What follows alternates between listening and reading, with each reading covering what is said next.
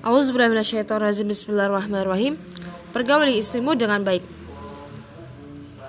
An Abi Hurairah radhiyallahu anhu qala qala Rasulullah sallallahu alaihi wasallam La yafarraq mu'minun mu'minatan in kariha minha khuluqan radiyya minha akhara rawahu Muslim. Dari Abu, Abu Hurairah Abu Hurairah radhiyallahu anhu berkata Rasulullah shallallahu alaihi wasallam bersabda janganlah seorang mukmin membenci wanita mukminah. Karena jika dia membentis satu akhlaknya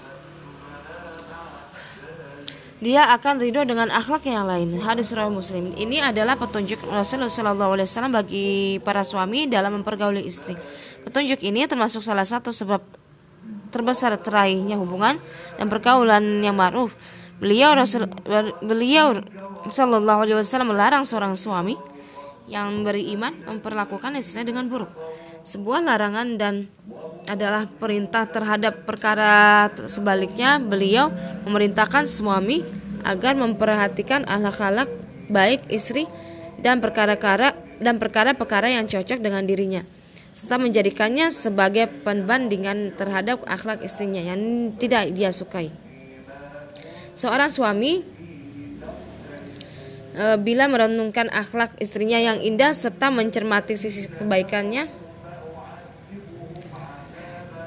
dan setelah itu dia melihat penyebab kebosannya terhadap istrinya serta mencermati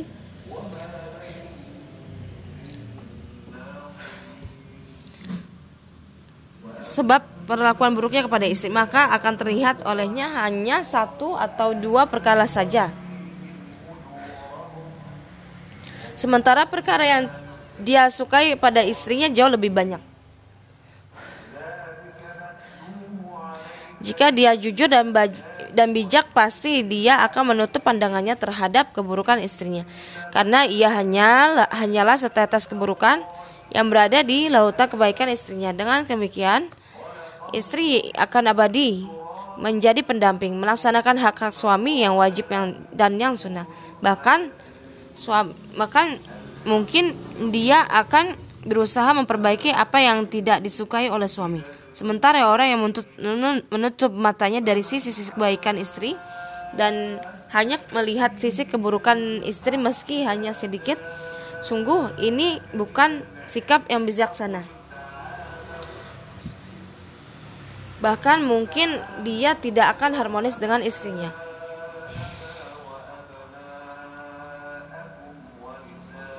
Manusia dalam hal ini ada tiga macam. Pertama adalah yang tertinggi, yaitu suami yang mencermati akhlak-akhlak indah istri dan sisi-sisi kebaikannya, serta menutup pandangannya dari keburukannya dan berusaha men untuk melupakannya. Kedua, suami yang tidak berakhlak dan tidak beriman dia tidak melihat sisi-sisi kebaikan istrinya meski sebesar gunung. Sementara keburukan istri dia letakkan di depan matanya. E, mungkin dia mengada-ngada dan menafsirkan keburukan tersebut dengan prasangka buruk sehingga keburukan yang sedikit menjadi menggunung sebagaimana yang banyak terjadi.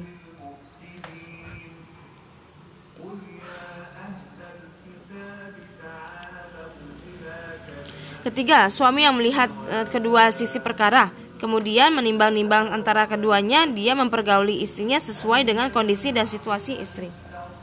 Inilah suami yang bijak. Tetapi dia terhalang mencapai kesempurnaan. Adab yang diajarkan oleh Nabi Shallallahu Alaihi Wasallam ini seharusnya kita ikuti bersama orang-orang yang terlebih dahulu mengikutinya karena padanya banyak manfaat dunia dan agama. Orang yang berhias dengan adab ini akan senantiasa berusaha memperoleh ketentraman hati.